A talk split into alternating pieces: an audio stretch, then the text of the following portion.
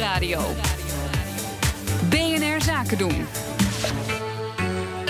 Ondernemersdesk. Hard werken loont, maar het moet wel leuk blijven. En daarom iedere vrijdag de Ondernemersdesk Werkgeluk. Met tips en advies om je personeelsbestand gelukkig te houden. Met vandaag de flexplek versus het vaste bureau. Connor, Connor Klerks, bepaald niet uh, vastgeklonken aan zijn bureau, want je bent hier. Nee, absoluut. Dit is wel echt uh, flexwerken 2.0, hè? Waarom wil hij het erover hebben, flexwerken? Nou, ik vind flexplekken vind ik al fascinerend. Want je ziet, zo lijkt het eigenlijk uit het niets ineens in heel veel bedrijven. En ik heb gewoon een vermoeden dat er best wel veel mensen zijn die er helemaal niet op zitten te wachten. Het is gewoon best wel vervelend, vind ik zelf ook. Als je iedere dag moet je je bureau anders gaan instellen. Je stoel moet anders. Je moet weer op een telefoon inloggen. Je moet je wachtwoorden weer overal uh, opnieuw invoeren. Je hebt ervaring, begrijp ik? Ja, bij ons op kantoor wordt er natuurlijk heel flexibel gewerkt. Uh, onze chef die heeft niet eens een bureau. Die loopt de hele dag een beetje met zijn laptop en zijn ziel onder zijn arm over de redactie. Zielig.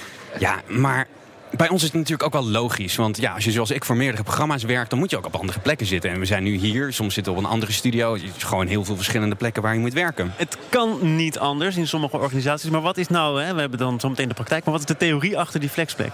Nou, de gedachte is eigenlijk dat met flexplekken je in contact komt met meer collega's. En uh, dan wissel je dus meer gedachten uit. En zo zou je dus uiteindelijk ook productiever moeten worden. Je ziet de kantoren met flexplekken dus als uh, paddenstoelen uit de grond schieten. En ik was wel benieuwd waarom. Dus ik heb gebeld met Rianne Appel.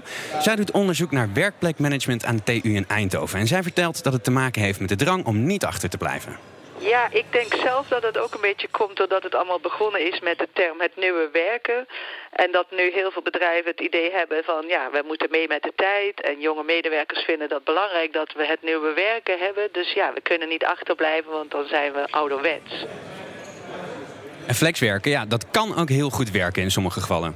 Ja, maar het kan nou, ook slecht zijn. bij mensen met een, een breed activiteitenprofiel... die dus heel gevarieerde werktaken hebben... zodat ze ook gewoon behoefte hebben aan steeds weer een ander soort werkplek... om hun te ondersteunen. En eh, dat, ja, het past ook een beetje bij bepaalde persoonlijkheden. Hè. Je moet er ook van houden om nieuwe uitdagingen uit te gaan... wat extravert zijn, uh, wat ja, minder behoefte hebben aan privacy bij voorkeur... omdat dat uh, in dit soort omgevingen vaak een issue blijkt te zijn...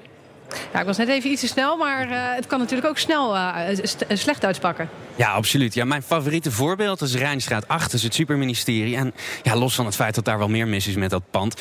er zijn gewoon veel minder werkplekken dan ambtenaren. En dus komen mensen eerder op het werk om alvast een soort van handdoekje te leggen... zo vroeg mogelijk daar zijn om een werkplek te claimen. Er was zelfs een ambtenaar die een tijdje uit protest met de klaptafel naar het werk kwam. En volgens Rianne wil de meerderheid uiteindelijk gewoon op een vast plekje zitten. En ja, mensen blijven toch ook gewoon een gewoontedier. En we zien gewoon steeds weer in onderzoeken dat hè, wel 60, 70 procent van mensen toch gewoon elke dag op dezelfde plek gaan zitten bij voorkeur. Uh, ja, dat geeft ze ook een soort gevoel van vertrouwdheid. En ik denk dat dat ja, qua geluk natuurlijk ook mee zou kunnen tellen. Dit is dus wat de meeste mensen willen. Toch moet je als werkgever die keuze maken. Flexibele werkplekken of niet. Past dat bij het bedrijf? Waar moet je dan op letten? Nou, volgens Rianne is het allerbelangrijkste om eerst te kijken hoe divers is het werk nou wat je personeel doet. Als je een grote groep mensen in dienst hebt die eigenlijk relatief uh, eenzijdige taken uitvoert, ja, dan is het misschien niet zo'n goed idee. Dat werkt gewoon het beste op een vaste plek. En als tweede zou ik me zeker ook afvragen van wat voor soort mensen hebben wij in dienst. We, we weten, we doen de laatste jaren wat meer personality uh, onderzoeken ook. En we weten ook gewoon dat bepaalde soort mensen niet zo goed uh, gedijen in zo'n flexibele omgeving. Oh, oh, er zijn mensen die niet goed gedijen in die flexibele omgeving. Conor Klerks, ben jij zo iemand? Mis jij je eigen bureau? Nou, Eigenlijk soms wel. Kijk, ik vind mijn werk heel erg leuk. Maar af en toe mis ik het toch om uh, mijn eigen plekje te hebben. En daarom bij deze mijn ode aan het eigen bureau. Daar zit je dan. Aan jouw bureau. De koning in het domein van jouw succes. De architect van je eigen carrière. Waar de leuning van je bureaustoel altijd precies de juiste hoek heeft. De slijtsporen in het tapijt zijn als muurschilderingen. Een blijvende geschiedenis van jouw noeste arbeid. Waar kruimels van een stroopwafel niet deren, want het zijn jouw kruimels en het was jouw stroopwafel. Haal een doekje over je ergonomische toetsenbord, stof de bladeren van je philodendron af.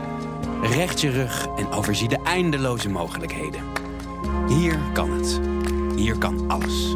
Dit is jouw plek. Connor, bedankt dat je hier was aan het uh, muziekgebouw aan het ei.